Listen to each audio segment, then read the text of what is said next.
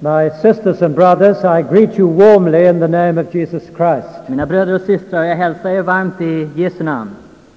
I'm very grateful to my brother Per for his kind words of welcome and introduction. Jag är tacksam till min broder Per för hans varma välkomstord och hans introduktion. And I'm very thankful for the work of the Center for Christian Studies. Och jag är mycket tacksam över Centrum för kristna studier och det arbetet de gör. It is a kind of sister organization to the London Institute for Contemporary Det Christianity. det är en slags eh, systerinstitut till Londoninstitutet för samtida studier som eh, John arbetar med i London. So there is a certain common concern between the center in Göteborg and the institute in London. Så det finns en rad frågor som angår oss gemensamt, institutet i London och det här i Göteborg. Then I would like to tell you how much I enjoy my visits to Scandinavia. Och sen vill jag tala om för er hur mycket jag eh, tycker att det är roligt att få komma till Skandinavien. Because my ancestors were Vikings. Därför att mina förfäder var vikingar. You may know that Stut in Norse is a bull. Du kanske vet att eh, stut på norska betyder tjur. På svenska betyder tjur, en stut. So my ancestors were cattle breeders who settled in the north of England in the 10th century. Och på 900-talet så var mina förfäder alltså en, eh, kreaturs, eh, lantbrukare som hade kreatur och som bosatte sig eh, uppe i norra England. So whenever I come to one of the countries of Scandinavia, Så när helst jag kommer till en av de skandinaviska länderna I ask the people to receive me så ber jag att folket ska ta emot mig. not as an alien, Inte som en främling, but as a lost son who has returned home. utan som den förlorade sonens återkommande. So I feel uh, one of you tonight, Så jag känner mig som en av er ikväll. and I'm grateful for your presence this evening and for the kindness of your welcome. Och jag är tacksam för att ni kom hit ikväll och jag känner värmen ifrån er. Now, I understand you have been given an outline of my lecture this evening. Jag tror att de flesta av er har fått en disposition över föredraget ikväll. So we will turn to the topic of pluralism and the uniqueness of Jesus Christ. Så vi ska börja med ämnet som heter pluralism och eh, Jesu unika ställning. and I want to begin with two scenarios which express the modern mood. Och jag skulle vilja börja med två små berättelser som illustrerar den eh, samtida inställningen. The first takes us to the country of Nigeria. Den första tar oss till landet Nigeria. A social worker was visiting a youth in one of the back streets of Lagos. En socialarbetare träffade en ung man i några av Lagos bakgator. And on his bedside table, he found the following books. Och på nattduksbord, nattduksbordet hos pojken hittade han de här böckerna. There was the Bible Där låg- and the Anglican prayer book. Där fanns Bibeln och den anglikanska kyrkans bönbok. There was the Quran, Där låg Koranen. three copies of Watchtower, the magazine of the Jehovah's Witnesses. Tre olika nummer av Vakttornet, Jehovas vittnens tidning. Then there was a biography of Karl Marx Sen fanns en biografi över Karl Marx. and a book of yoga exercises. Och sen en bok som beskrev olika yogaövningar. And in addition, there was a book which this young man needed in particular, Och dessutom så fanns det en bok som den här unge mannen särskilt behövde. and that was a popular paperback entitled How to Stop Worrying. Och det var en sån här populär eh, pocketbok som sa hur man ska vinna över sin oro. Now, that situation is typical of the syncretistic mood of today. Den eh, situationen, den synen är typisk för den eh, anda av lärosammanblandning som vi har idag. My second example is a multi-faith service which took place in London 25 years ago. Mitt andra exempel är från en gudstjänst som eh, var för 25 år sedan där många olika religioner hade en gudstjänst ihop. Of course, multi-faith services are increasingly popular in the world today. De här typen av gudstjänster är allt mer populära i världen idag. But this, I think, was the first that had taken place in England. Men det här tror jag var den första som eh, man hade i England. It took place in 1966. Det var 1966. In it, Hindus, Buddhists, Muslims, and Christians took part on uh, a basis of equality. Och i den här gudstjänsten så deltog muslimer, buddister, hinduister och kristna på samma villkor. They made four affirmations of their supposedly common faith. De gjorde fyra stycken eh, bekännelser till det som man sa var sin gemensamma grund för tron. They gave four readings from their respective scriptures De läste fyra textställen från de respektive olika böckerna, heliga böckerna. from the Bhagavad Gita, Från Bhagavad Gita, from the Quran, and from the Bible. från Koranen och Bibeln. And then they pronounced four blessings, Och sen uttalade man fyra välsignelser. in only one of which the name of Jesus was mentioned for the first and last time. Och bara i en av dem som men- nämndes namnet Jesus under den här gudstjänsten för första och sista gången. The secular press were enthusiastic. Den icke-kristna pressen var entusiastisk.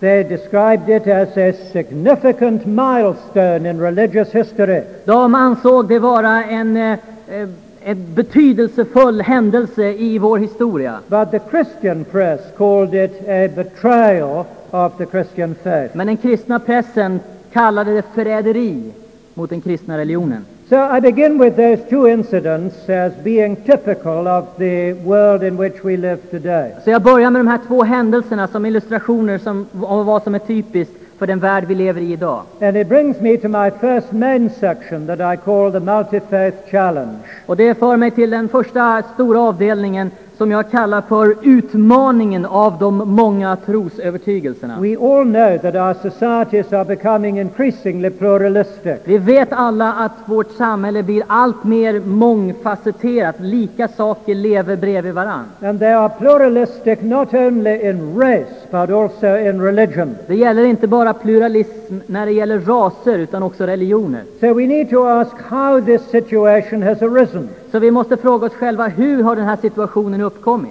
And our first answer concerns the global village, which is a phrase of Marshall McLuhan. Och den första förklaringen handlar om den globala byn som är en fras som Marshall McLuhan myntat. Modern communication systems have caused the world to shrink. Moderna kommunikationssystem har fått världen att krympa.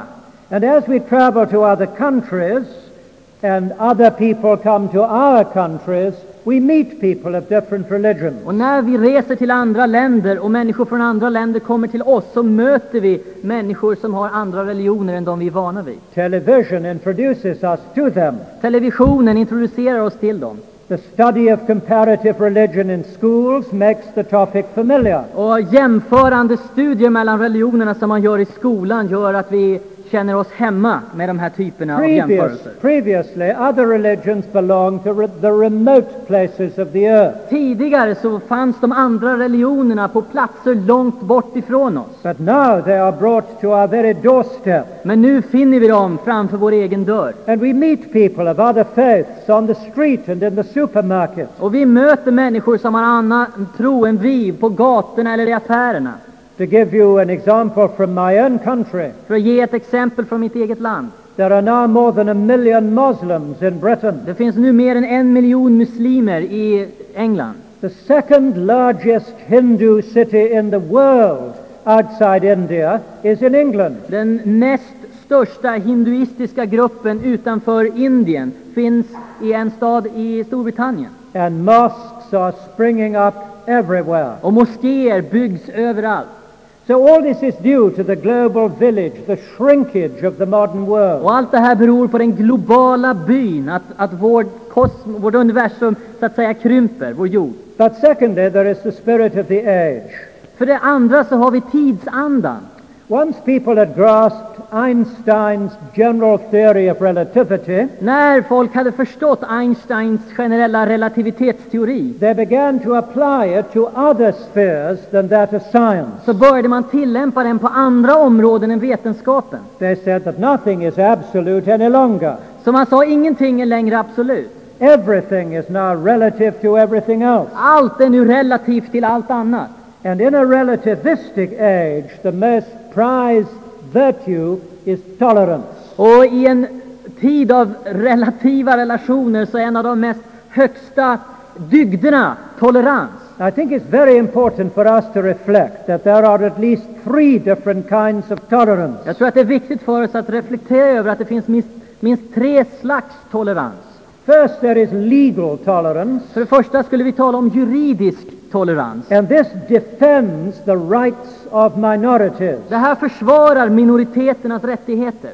It protects people's freedom to profess, practice, and propagate their own religion. Det försvarar människors rätt att tro och tillbe och förkunna det man vill. And Christians should be in the forefront of those who demand legal tolerance for minorities. Och vi skulle stå på barrikaderna för att kräva juridisk tolerans för minoriteter. Then, secondly, there is social tolerance, För det andra finns det social tolerans. which encourages mutual respect and good neighborliness in the community. Det som uppmuntrar grannsämja och goda relationer i samhället. Christians should promote this too. Och vi skulle också vara de som propagerar för detta. We want to be good friends and good neighbors to everybody. Vi vill vara vänner med alla och goda grannar. It arises from our recognition that every human being is a creature made in the image of God. Det har sin rot i övertygelsen att varje mänsklig varelse är skapad till Guds avbild. But thirdly, there is intellectual Men tolerance. för det tredje finns det intellektuell tolerans. And this is to cultivate a mind so open that you can keep nothing in or out of it.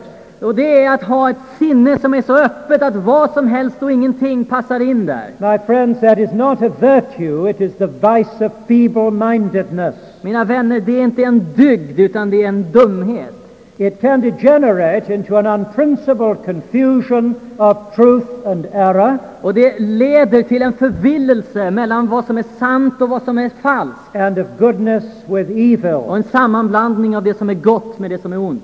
I think many of you will know the name of G.K. Chesterton, a British author between the wars. Många av er känner, ina, känner igen den brittiska författaren Chesterton som skrev mycket mellan de två stora krigen. He put it in this epigram. Han eh, formulerade så här. The purpose of opening the mind, Syftet med att ha ett öppet sinne, like the purpose of opening the mouth, liksom syftet med att öppna munnen, is to shut it again on something solid. är att stänga igen det igen när man kommer till någonting som är fast.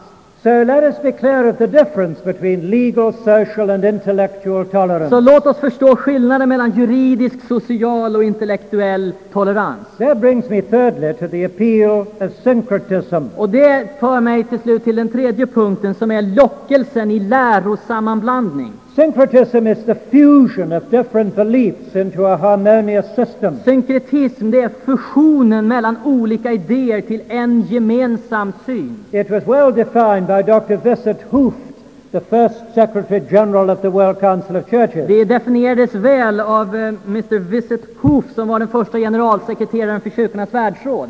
Syncretism is the view that there is no unique revelation in history. Synkretism, sa han, är den synen som talar om att det finns ingen unik uppenbarelse i historien. That there are many different ways to reach the divine reality. Och att det finns många olika vägar att nå den gudomliga verkligheten. That all formulations of religious truth are inadequate expressions of that truth. Och att alla formuleringar om religiösa eller k- andliga sanningar är otillräckliga beskrivningar av verkligheten. And that it is necessary to harmonize them as far as one possibly can. Och att det därför är nödvändigt att försöka harmoniera de här olika synerna så långt det nu är möjligt. He concluded with these words. Och han avslutade med de här orden. Syncretism is essentially a protest against the uniqueness of revelation in history. Och han sa att synkretism är i huvudsak en protest mot tanken att det finns en unik uppenbarelse i historien. Now, the natural home of syncretism is India, Det naturliga hemmet för synkretism det är Indien. and the greatest exponent of it was the 19th century Hindu mystic Ramakrishna. Och den eh, kanske främsta förespråkaren för det var en man eh, som levde under 1800-talet i Indien, Ramakrishna. He reached the conclusion that all religions are in essence the same. Han kom till slutsatsen att alla religioner eh, längst inne i är en och densamma. And he was followed by Vivekananda, Och han följdes av Vivekananda, who is the main founder of the Ramakrishna mission. som är den huvudsakliga grundaren av Ramakrishna-missionen. And he taught that all religions uh, lead to the same supreme reality. Och han undervisade att alla religioner leder till samma eh, höga andliga väsen. Now, this spirit of syncretism is not new. Den här andan av synkretism är inte ny. It pervaded the Hellenistic world of the first century AD. Den fanns i den hellenistiska världen på 100-talet. In those days, as the Apostle Paul wrote, there were gods many, lords many, saviours many. Som Paulus säger, på den tiden fanns det många gudar och många frälsare.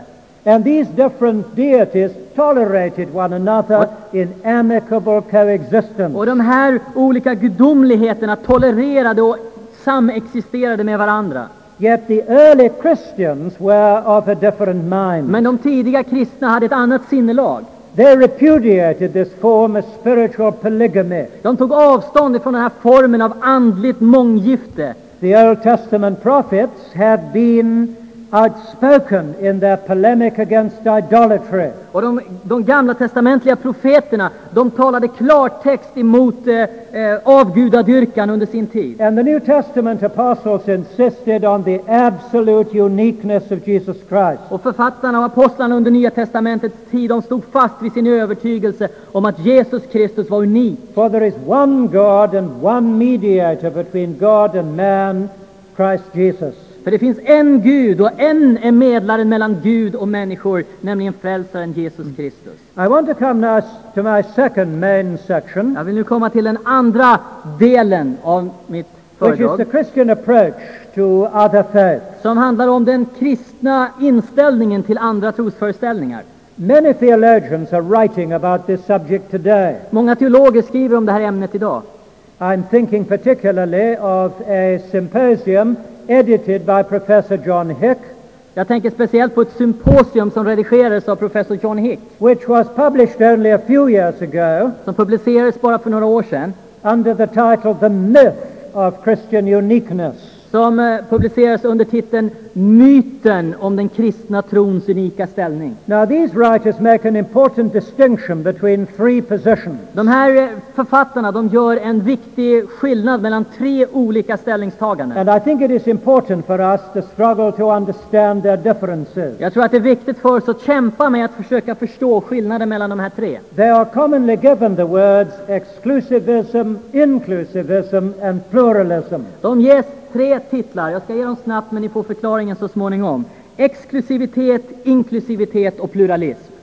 Exclusivism is an affirmation that God has revealed himself fully and finally in Jesus Christ. Det exklusiva synsättet är det som säger att Gud har uppenbarat sig själv fullt och enbart genom Jesus Kristus. Christianity, therefore, is discontinuous with every other religion. Kristendomen därför är unik och står fri från de andra religionerna. Christ alone is the Savior of the world, Kristus ensam är världens frälsare and his absolute supremacy is affirmed.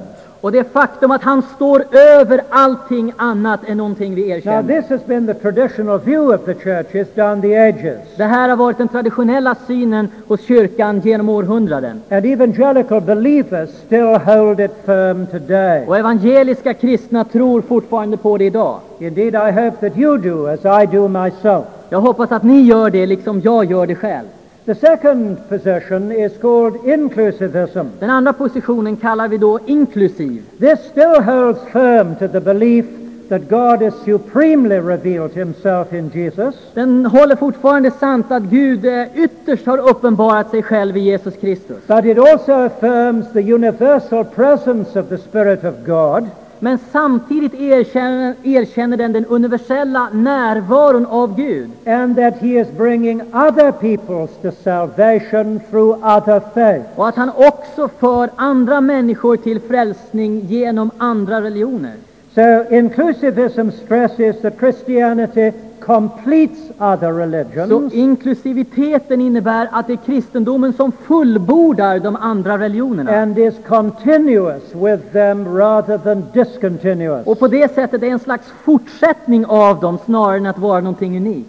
The third and more radical position is called pluralism. Den tredje och den mer radikala ståndpunkten kallar vi för pluralism. And this affirms that the different religions are different human interpretations of the one revelation of God. Och den menar att de olika religionerna är olika mänskliga beskrivningar av den enda vägen till Gud. Pluralism affirms the independent validity of every religion. Pluralismen menar att var och en av de olika religionerna har en sanning i sig. It says that we should give up the idea of world evangelization Och därför kan vi lika bra sluta att tänka i termer av världsevangelisation. and we should leave people alone in their own Och religion. vi ska låta människor fortsätta att leva i den religion de har. And this is sometimes called the wider ecumenism, Det här kallas ibland för den vidare ekumenismen, which regards all religions as having independent validity som menar att alla religioner i sig själv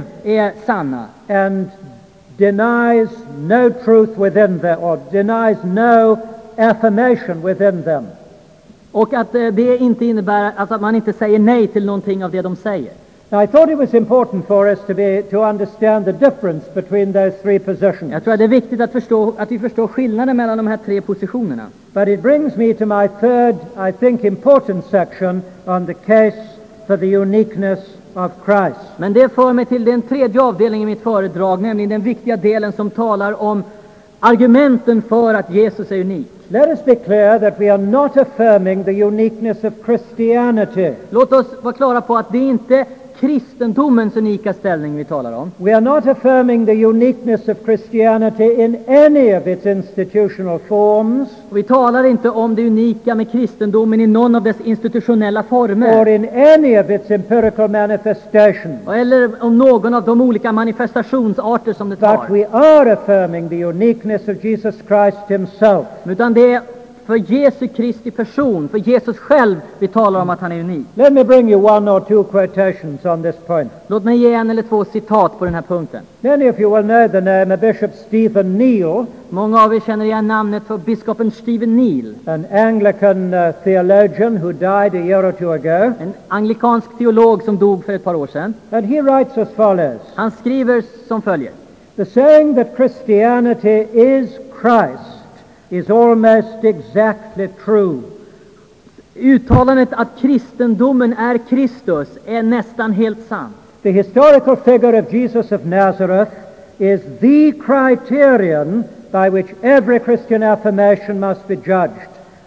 Den historiske Jesus från Nasaret är det kriterium av vilken varje bekännelse måste mätas, med vilken varje bekännelse måste jämföras Or och mätas. Oh, let me mention Professor John Mbiti of Kenya. Eller låt mig citera professor John Beatty från Kenya. He writes, The uniqueness of Christianity is in Jesus Christ. Han säger att kristendomens unika ställning finns i Jesus Kristus. Well, I would like to remind you of Sadhu Sundar Singh in India. Jag skulle vilja påminna om Sadhu Sundar Singh från Indien. He was brought up in a Sikh home, Han eh, växte upp i ett sikiskt hem. but when he was 15 years old, he was wonderfully converted to Jesus Christ through a vision, Men när han var 15 år blev han underbart frälst till Jesus Kristus genom en syn. and he became a traveling Christian sadhu. Och han blev en kringresande kristen sadhu. One day he was visiting a Hindu college. En dag så besökte han ett hinduistiskt college. And he was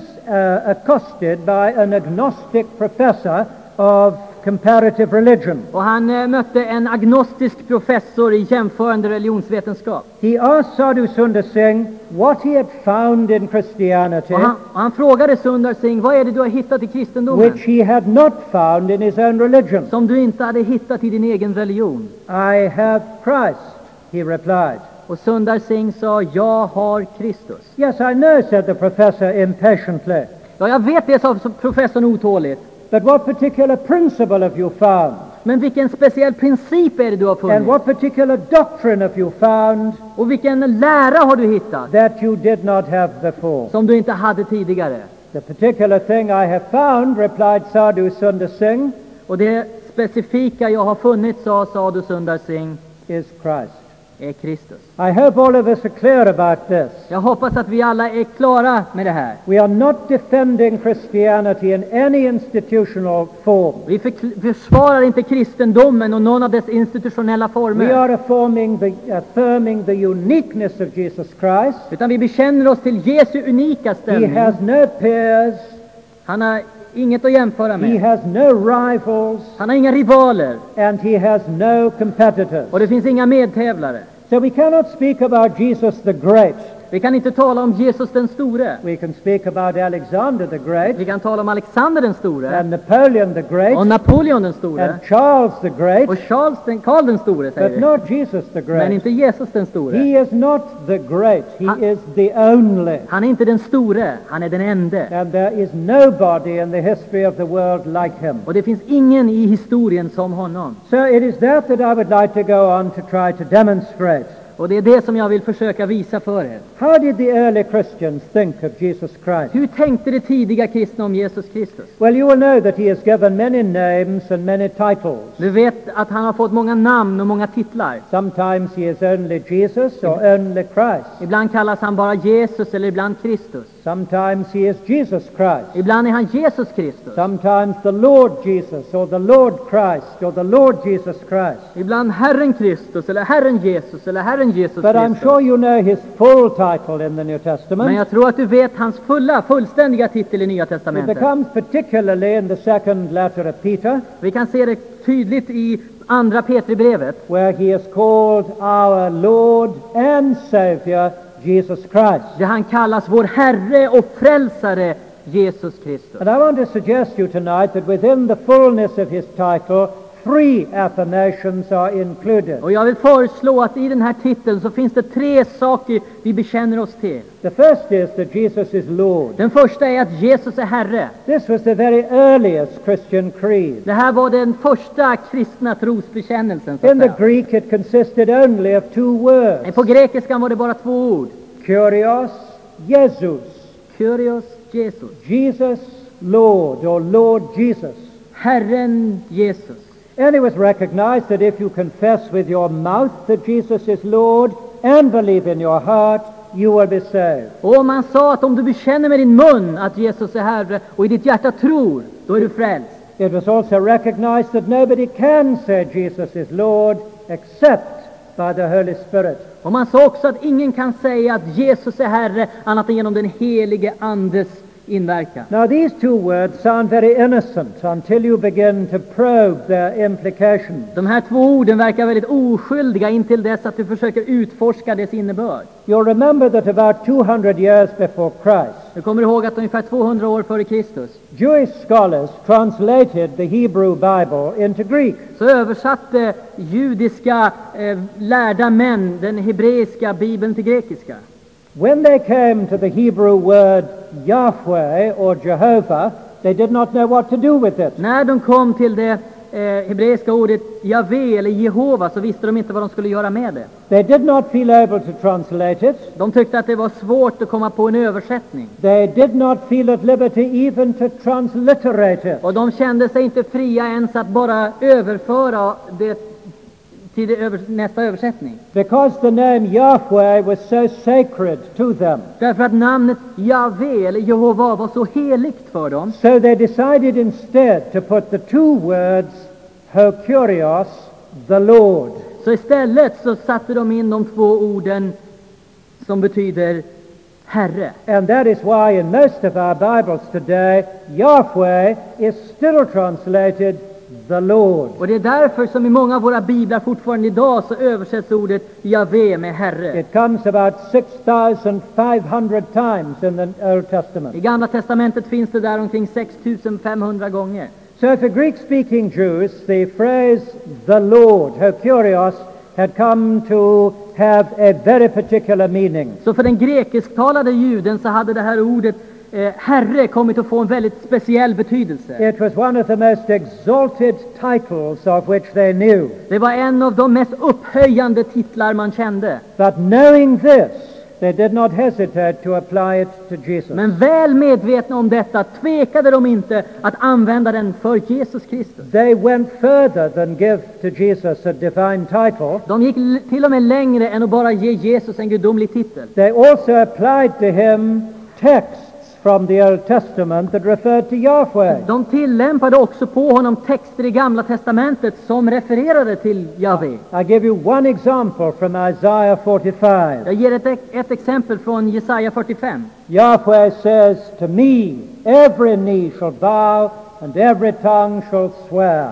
Jahve säger, för mig skall alla knäs böja, böjas och alla tungor bekänna. The Apostle Paul finds that text in Isaiah, P- eh, Aposteln Paulus hittar den här texten i Jesaja. and with great audacity he transfers it to Jesus Och Christ. utan tvekan så överför han det att gälla Jesus He Kristus. says in Philippians 2 that God has highly exalted him Han säger i Filipperbrevet 2 att Gud har upphöjt honom and given him the name or dignity beyond all others, och gett namnet, ö- honom namnet över alla namn. so that at the name of Jesus every knee should bow Så att inför Jesu namn alla knän ska böjas and every tongue confess och that alla he is Lord. tungor ska bekänna att han är Herre. So here is an application to Jesus of both divine texts and divine titles. Så till Jesus Kristus för man både gudomliga texter och gudomliga titlar. And to apply these texts and titles to Jesus is tantamount to saying that he is God. Och det är detsamma som att säga att Jesus är Gud. Now, friends, there is nothing like this in any other religion. Mina vänner, i andra religioner finns det ingenting sånt här som jäm- Äh. jämförelse. Early or classical Buddhism had no God at all and no worship. Klassisk och tidig buddhism hade inga gudar överhuvudtaget och ingen tillbedjan. Divine honors were not attributed to the Buddha until 500 years after his death. Gudomliga titlar eller gudomlighet tillskrevs inte Buddha förrän 500 år efter hans död. But Jesus was worshipped as God during his lifetime. Men Jesus tillbad som Gud redan när han levde. Hinduism, it is true, claims a number of so-called avatars.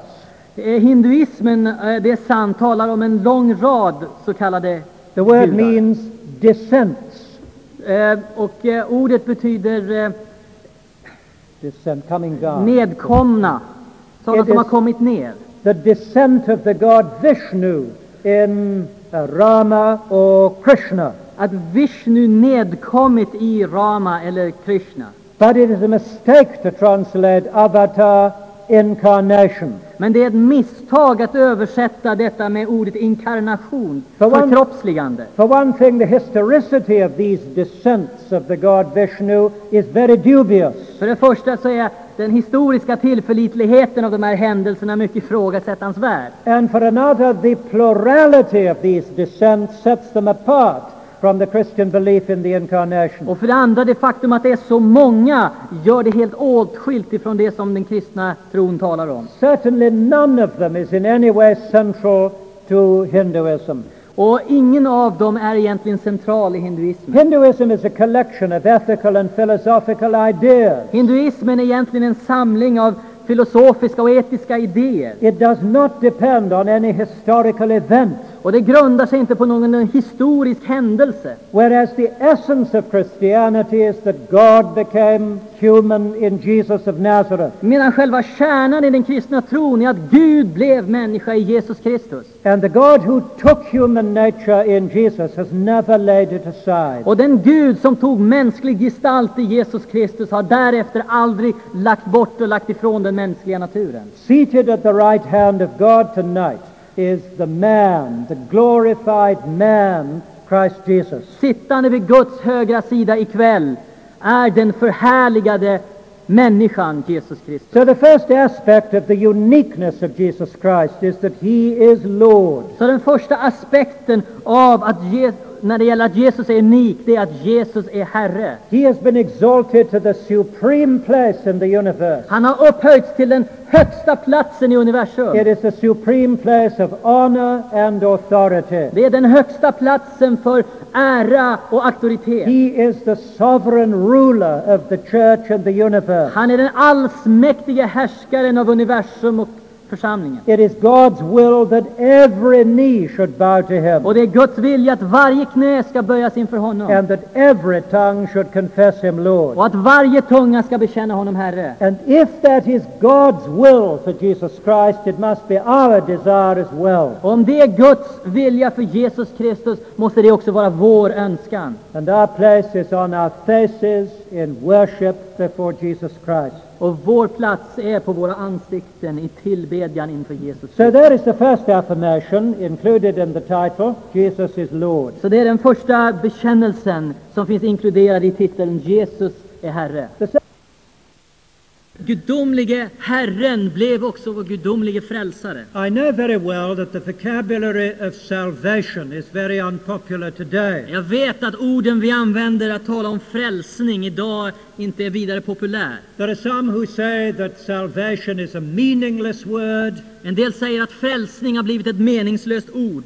There are others who say it is an embarrassing word, En del tycker till och med att man blir generad av att använda det. that we cannot possibly drop it from our Christian vocabulary. Men från vårt kristna ordförråd kan vi aldrig ta bort det. For Christianity is a religion of salvation. Därför kristendomen är en religion av frälsning. That is to say, it is a rescue religion. Det är en religion som räddar. It speaks of a God who came after us in Jesus Den Christ talar om en Gud som kom till oss i Jesus Kristus in order to seek and to save us. för att söka upp och finna oss och frälsa oss. And by salvation, we mean freedom Och genom frälsning menar vi frihet. freedom from guilt and from a guilty conscience, Frihet från skuld och ett eh, skuldfyllt samvete. freedom from the just judgment of God upon our sin.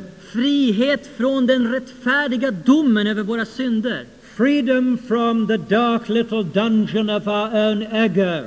Frihet från den mörka grottan av vårt eget ego. Freedom from the bondage of meaninglessness. Frihet från meningslöshetens bojor. And freedom from fear.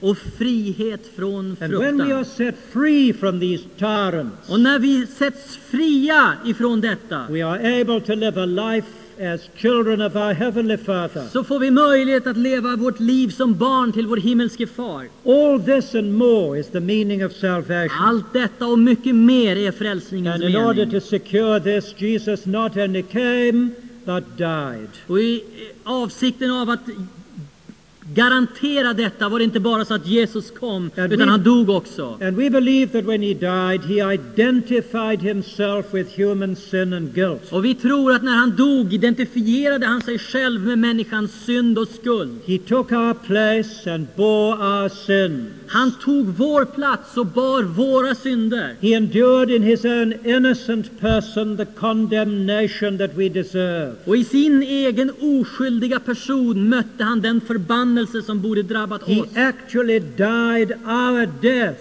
in our place. Han dog vår död i vårt ställe. And he could not have identified himself with us more than he did. Han kunde inte ha identifierat oss mer med oss än det han gjorde. And then he was raised from the dead Och sen uppstod han från de döda in a supernatural event which was the beginning of God's new creation. i en övernaturlig handling som var begynnelsen på Guds nya skapelse. The resurrection body of Jesus Jesu uppståndelsekropp is the first bit of the material universe that has been redeemed.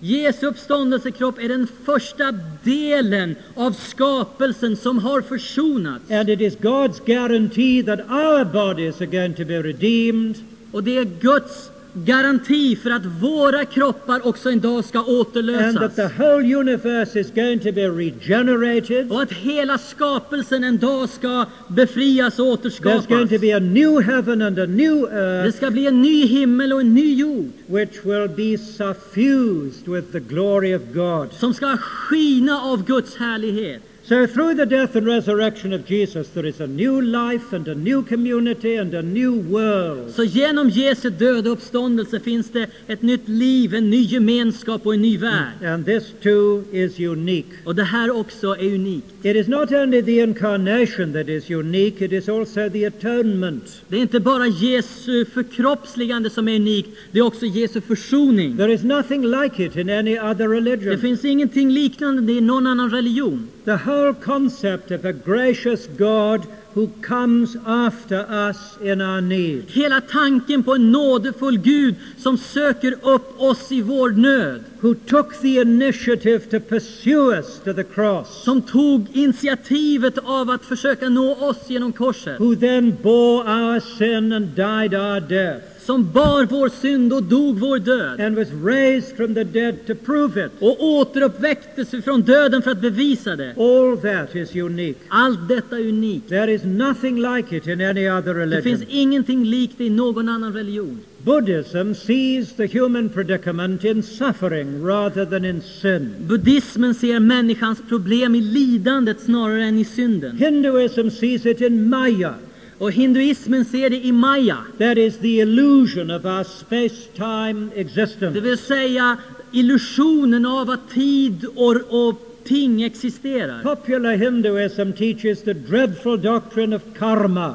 Eh, och den populära hinduismen talar om den förfärliga läran om karma, which could be translated as retribution in reincarnation. som skulle kunna betyda ehm, återgäldning genom återfödelse. In other words, every human being must reap the fruit of his own wrongdoing. Alltså att varje mänsklig varelse måste skörda frukten av sina egna felaktigheter och If not misstag. in this life, then in the next, or the one after that, or the one after that. Om inte i detta liv så i nästa liv eller nästa eller nästa. In what they call samsara, I det som de kallar för samsara. which is an endless cycle of reincarnation. Som är en, en, en rundgång av återfödelse utan slut. From it there is no escape and no forgiveness. Från den rundgången finns det ingen utväg och ingen Now förlåtelse. that brings me to Islam.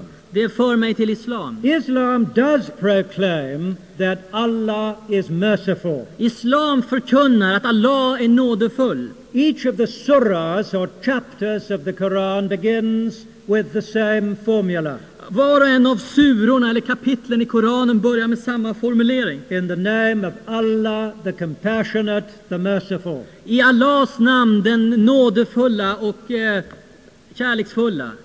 But to whom is Allah merciful? Men mot vem är Allah nådefull? According to the Quran, He is merciful only to the meritorious, Enligt Koranen är han nådefull bara mot dem som förtjänar to det. those who pray regularly, Bara mot dem som ber regelbundet. who pay their alms tax, Som ger sina allmosor. who fast in Ramadan. Som fastar under fastemånaden Ramadan. To them, Allah is Det är merciful. till dem som Allah är nådefull. But there is no message of good news in the Quran for sinners Men det finns ingen, inga glada nyheter i Koranen till syndare. who deserve nothing at the hand of God but judgment. Som inte förtjänar någonting annat från Gud än dom. The only message for them is that they will receive the judgment they deserve. Det enda budskapet till dem är att de ska få det straff de förtjänar. It is only in the gospel that we read of a gracious God Det är bara evangelierna som vi kan läsa om en nådefull Gud. whose grace extends to sinners who deserve nothing at his hand but judgment. Vars nåd sträcker ut sig till syndare som inte förtjänar någonting annat än dom. And once again, I'd like to bring you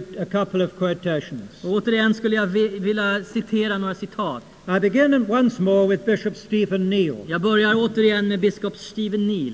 and he talks about the good shepherd that, to which Jesus likened himself. Han talar om den gode herden vilken Jesus liknar sig The vid. good shepherd goes out into the wilderness to seek the lost sheep. Den gode herden går ut i vildmarken för att söka det borttappade fåret. That is, God in Christ takes the initiative to seek and to save the lost. Gud i Kristus tar initiativet att söka och frälsa de förlorade. He makes no grudging calculation of the cost to himself, Han gör inte någon småsint beräkning om hur mycket det skulle kosta honom. and he goes even to the desolate agony of the cross. Han går till och med till korsets brutala ensamhet. Bishop Neal goes on with these words Och biskop Neil fortsätter med de här orden. If any other religion has anything in the least like the doctrines of uh, incarnation and atonement, Om någon annan religion har någonting som på det minsta sätt liknar lärorna av inkarnationen och försoningen, I, he says, have never found it. har jag aldrig funnit det. There is no parallel in the other Det religions. finns inga paralleller i de andra religionerna. Then I think of Kagawa, the Japanese Christian. Så tänker jag på Kagawa, den japanska Let me kristna quote from mannen. him. Låt mig citera honom. I'm grateful for Shinto, for Buddhism, and for Jag är Confucianism. tacksam för shintoismen, eh, buddhismen. I owe much to these three faiths, De har gett mig mycket, de här tre but trosriktningarna. they utterly fail to minister to my heart's deepest needs. Men de har gruvligt misslyckats att möta mitt hjärtas, hjärtas djupast behov, djupaste behov.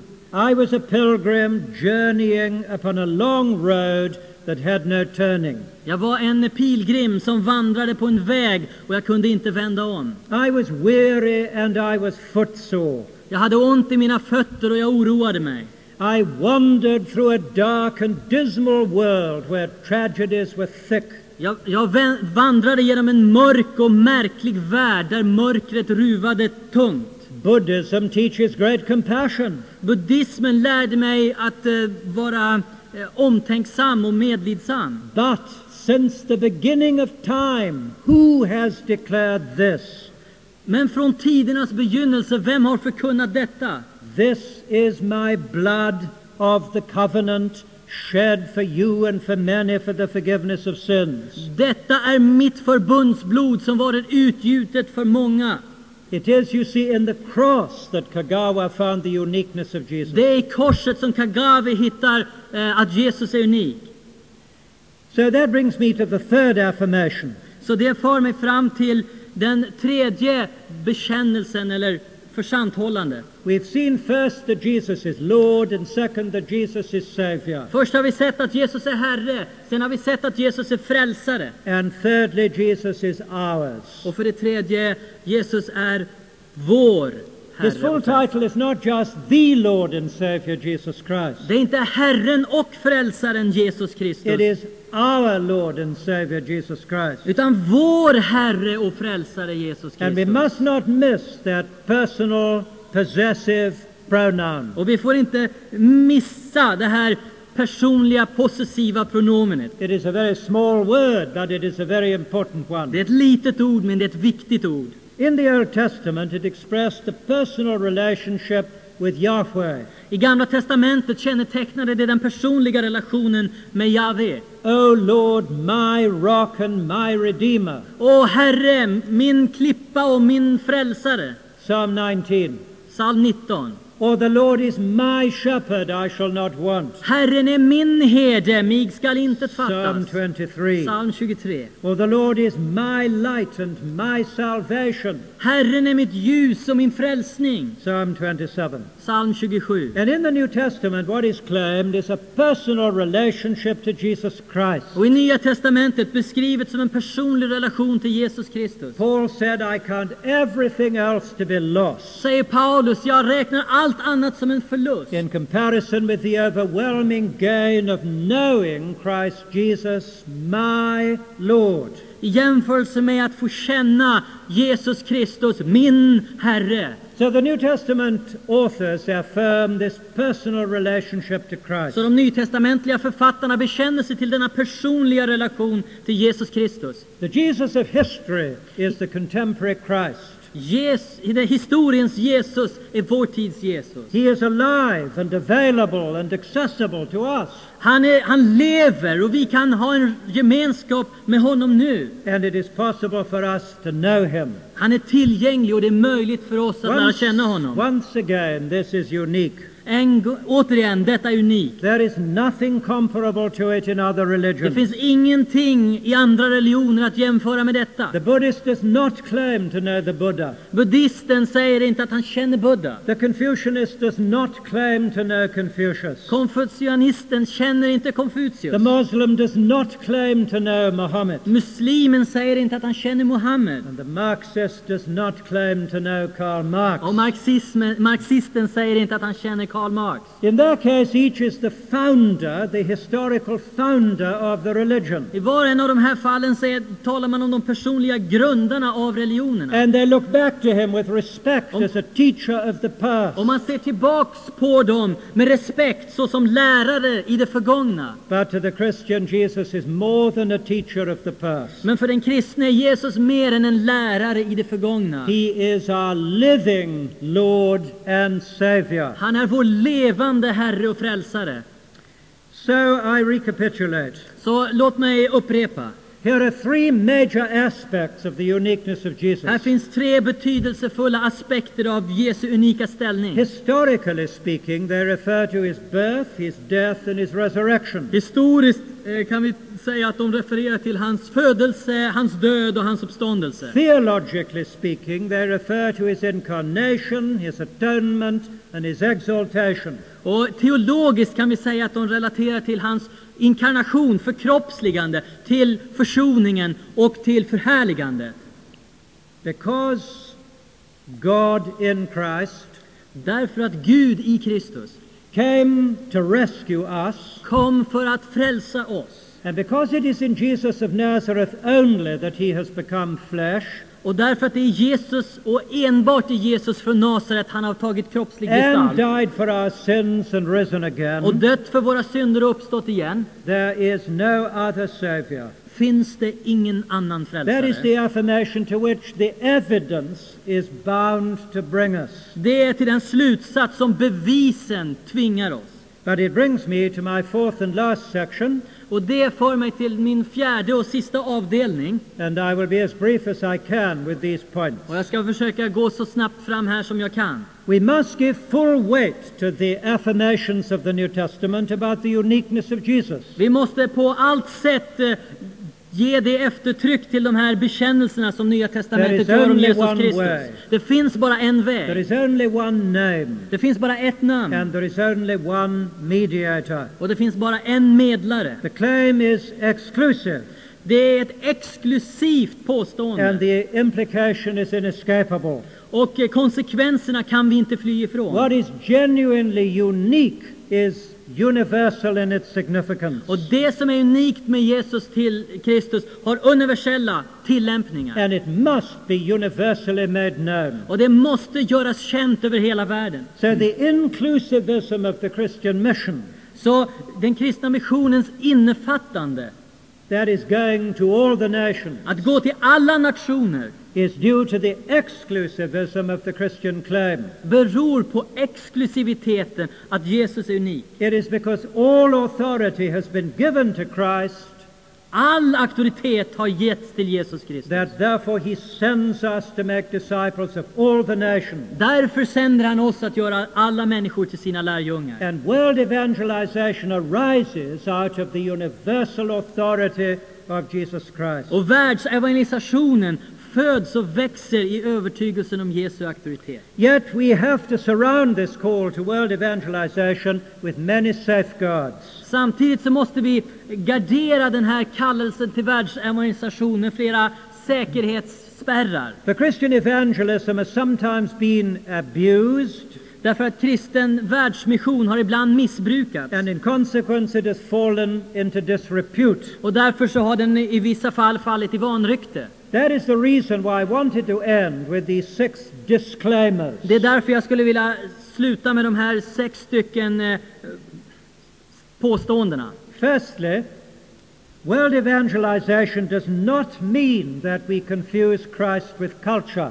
För det första så betyder inte världsevangelisation att vi blandar samman Kristus och kulturen. Some Western missionaries have made this mistake. En del missionärer från västvärlden har gjort det här misstaget. Instead of taking with them the biblical gospel, Istället för att ta med sig Bibelns evangelium they have taken with them a culture Christianity. så har de tagit med sig en av kulturen färgad kristendom. And they have sought to impose upon people of other cultures their own cultural Och imperialism. de har försökt att påtvinga människor av en annan kultur de, sin egen kulturella särart. But the gospel has to be set free from the culture in which we live Men evangeliet måste befrias från den kultur i vilken vi lever in order to be contextualized in the culture to which we go. och återuppstå och förkroppsligas i den kultur i- till vilken vi går. we must not confuse Christ with culture. Vi får inte blanda samman Kristus med kulturen. Secondly, world evangelization does not mean that we exhibit a crusading spirit. Världsevangelisation innebär inte att vi har en korstågens ande. Evangelists must not be imperialists. Eh, Evangelister ska inte vara imperialister. We must not be dismissive of other people's cultures. Vi får inte nedvärdera andra människors kultura- kulturer. We must not be proud in our attitude. Vi får inte vara stolta i våra attityder. And we must not be aggressive in our style. Och vi får inte vara aggressiva i vårt tillvägagångssätt. Personally, I wish that we could drop all military metaphors in reference to Och evangelism. jag personligen önskar att vi skulle kunna ta bort alla militära anspelningar i våra beskrivningar av världsmission. I don't like the word campaign or crusade. Jag gillar inte ord som kampanj och korståg. I don't like the idea of targeting particular groups of Jag people. gillar inte att vi sätter ett- en, en speciell målgrupp som vi ska nå. We should drop this kind of military aggression. Vi borde ta bort de här militära termerna för de äh, talar om For aggressivitet. humility is a preeminent Christian virtue, Det är ödmjukhet som är den kristna budskapets and it is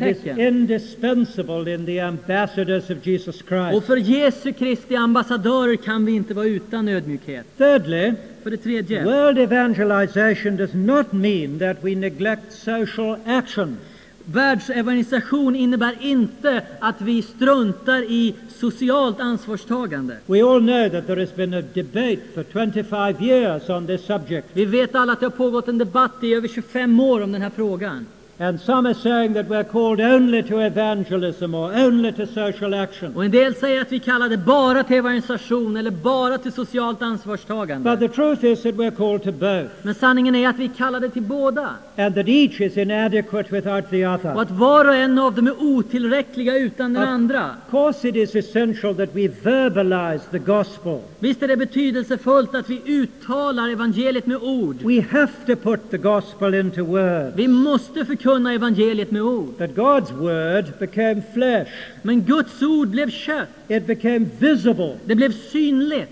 and our gospel has to become visible in good works. Och vårt evangelium måste bli synligt i goda gärningar. Good news and good works belong together. Goda nyheter och goda gärningar hör samman. Our light shines before men Ljuset skiner för människor. only when people see our good works Bara när människor ser våra goda and gärningar glorify our Father in heaven. och prisar vår far som är i himlen. In the ministry of Jesus, words and works went together. I Jesu liv kan vi se att ord och handling gick And they tillsammans. must be kept together by us. Och vi måste också hålla det samman. Words verbalizing the gospel Ord som verbaliserar evangeliet. and works visualizing the och gospel. handlingar som synliggör evangeliet.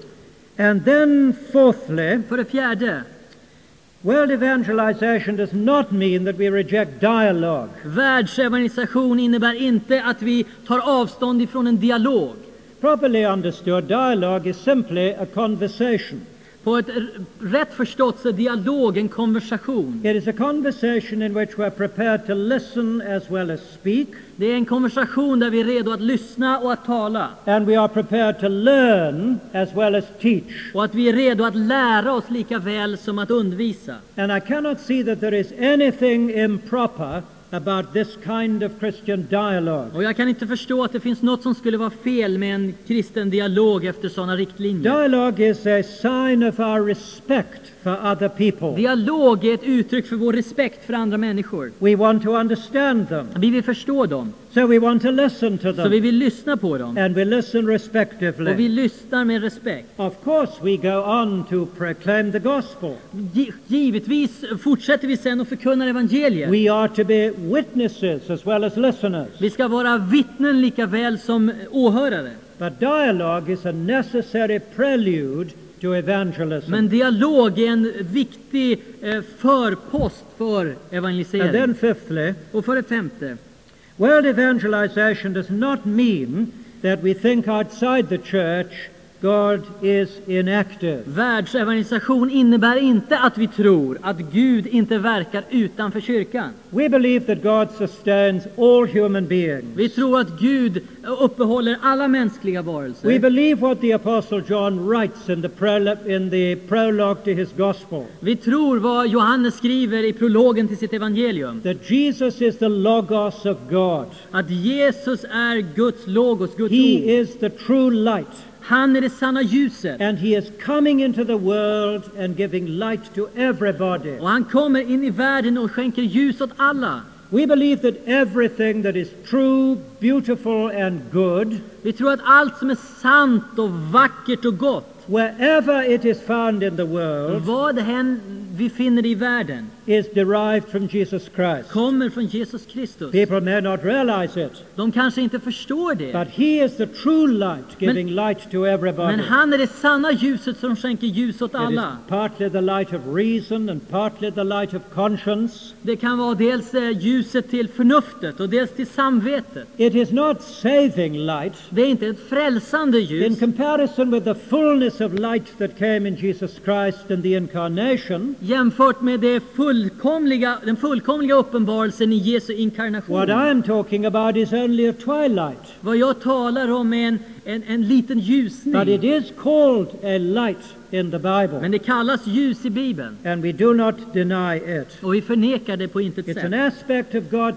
common grace Det är ett- rather than His saving Det är ett grace. uttryck för Guds allmänneliga nåd till skillnad från hans särskilda I nåd. come then to my sixth and final point Så till min sjätte och sista punkt. that believing in world evangelization Att tro på världsmission does not mean that we consign the majority of human beings to hell betyder inte att vi anser att majoriteten av världens befolkning är, hör hemma i helvetet. or that there is no hope or possibility of salvation to those who've never heard of Jesus. Och att det inte finns hopp eller någon möjlighet för dem som aldrig skulle ha hört On this evangeliet. subject, the Bible does not speak plainly. På, det här, på den här punkten talar inte Bibeln uttryckligen. And we would be wise not to dogmatize beyond what Scripture Och teaches, det skulle vara vist av oss att inte resa upp dogmer utöver det som Bibeln lär. but rather to be humble and agnostic.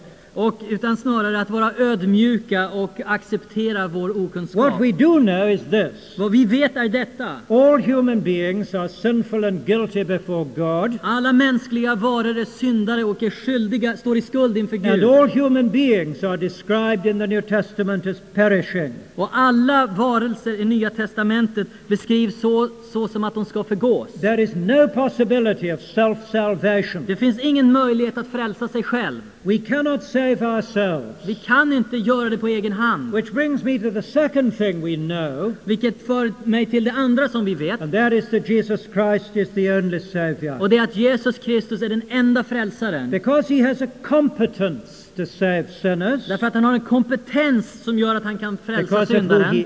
is and what he has done, Beroende på vem han är och vad han har gjort. a competence that is shared by nobody else. En kompetens som delas med ingen annan. So salvation is by grace alone, through faith alone, in Christ alone. Så frälsningen är enbart av nåd, enbart genom tro, enbart på Kristus. And the only question is how much knowledge and understanding of the gospel people need before they can be saved. Och den enda frågan är hur mycket förståelse och kunskap om evangeliet människor måste ha för att vara And frälsta. I want to give you the biblical reasons why I want to remain agnostic on that subject. Och jag vill ge er de bibliska argumenten för varför jag vill tillerkänna mig okunskap på det There are two området. important passages that suggest that in the end, Det finns två viktiga bibelställen som säger att i slutet, more people are going to be saved than lost. till slut, fler människor kommer att vara frälsta än förlorade. This, the first uh, evidence is at the end of Romans 5, Det första beviset finns i slutet av Romarbrevet 5, verse 12 onwards, the parallel between Adam and Christ. eh, vers 12 och framåt, parallellen mellan Adam och Kristus. Three or four times, Paul uses the expression, how much more Tre eller fyra gånger använder Paulus uttrycket hur mycket mer? or that the grace of God will superabound, Eh, och att Guds nåd ska överflöda än mer. which led Calvin to say Som fick Calvin att säga that he was convinced that the work of Christ would be more successful than the work of Adam. Eh, vilket fick Calvinus säga att Kristi verk skulle vara mer framgångsrikt än Adams verk. Do we really believe that Adam is going to be more successful than Christ? Tror vi verkligen att Adam ska vara mer framgångsrik än Kristus? And that Adam is going to drag more people to ruin than Christ is going to bring to salvation? Och att Adam skulle dra mer, fler människor i fördärvet än Kristus skulle kunna dra människor till I could himlen? not believe that. Jag kan inte tro det. And Romans 5:12 following gives me a good biblical basis for it. Och Romarbrevet 5.12 och framåt ger mig en god biblisk bas The att other säga passage det. is in Roma is in Revelation 7. Den andra bibliska avsnittet är i Uppenbarelseboken 7. We are given a glimpse of the redeemed multitude before the throne of God. Vi får en glimt av den återlösta skaran inför tronen. They are called a multitude so great that nobody can count them. De kallas för en skara så stor att ingen kan räkna det. And they will come from every nation and people and language and tribe. Och de kommer från varje folk och språkgrupp och land och stam. And only then will God's promise to Abraham be fulfilled. Och, bara, och först då kommer Guds löfte till Abraham att uppfyllas. That his posterity will be as numerous as the stars in the sky Att hans avkomma ska bli så talrik som stjärnorna på himlen. and as the sand, the grains of sand on all the seashores of the world. Och så som sandkornen på, värld, på stränderna till alla världens hav. In other words, the redeemed will be innumerable. De återlösta tycks vara oräkneliga. Now, how God is going to do it, Hur I do Gud ska not know. göra det vet jag inte.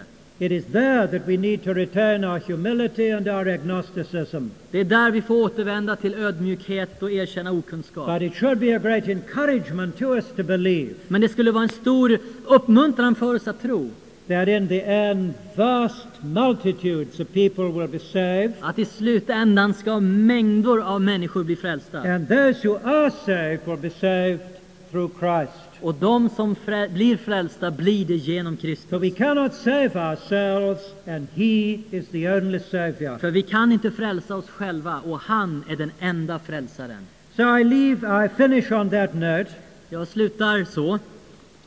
that I hope and pray Att jag hoppas och ber that in our thinking and in our ministry, att i vår tänkande och i vår tjänst we will be unashamed in proclaiming the uniqueness of Jesus Christ. ska vi inte skämmas i att förkunna Jesu unika ställning.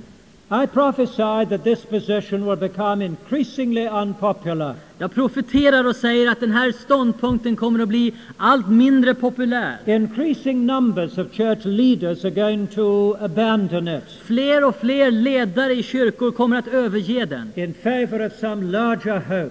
i, till förmån för något större hopp. But if we want to be loyal to Jesus Christ, Men om vi vill vara lojala till Jesus Kristus we must proclaim his uniqueness. måste vi proklamera hans unika I ställning. say again that he has no peers, Han har inga som kan jämföra sig med He honom. has no rivals. Han har inga rivaler, He has no competitors. inga motstånd eller He- medtävlare. He is not Jesus the Great. Han är inte Jesus den store. He is Jesus the only. Han är Jesus den ende. Let us pray. Låt oss be.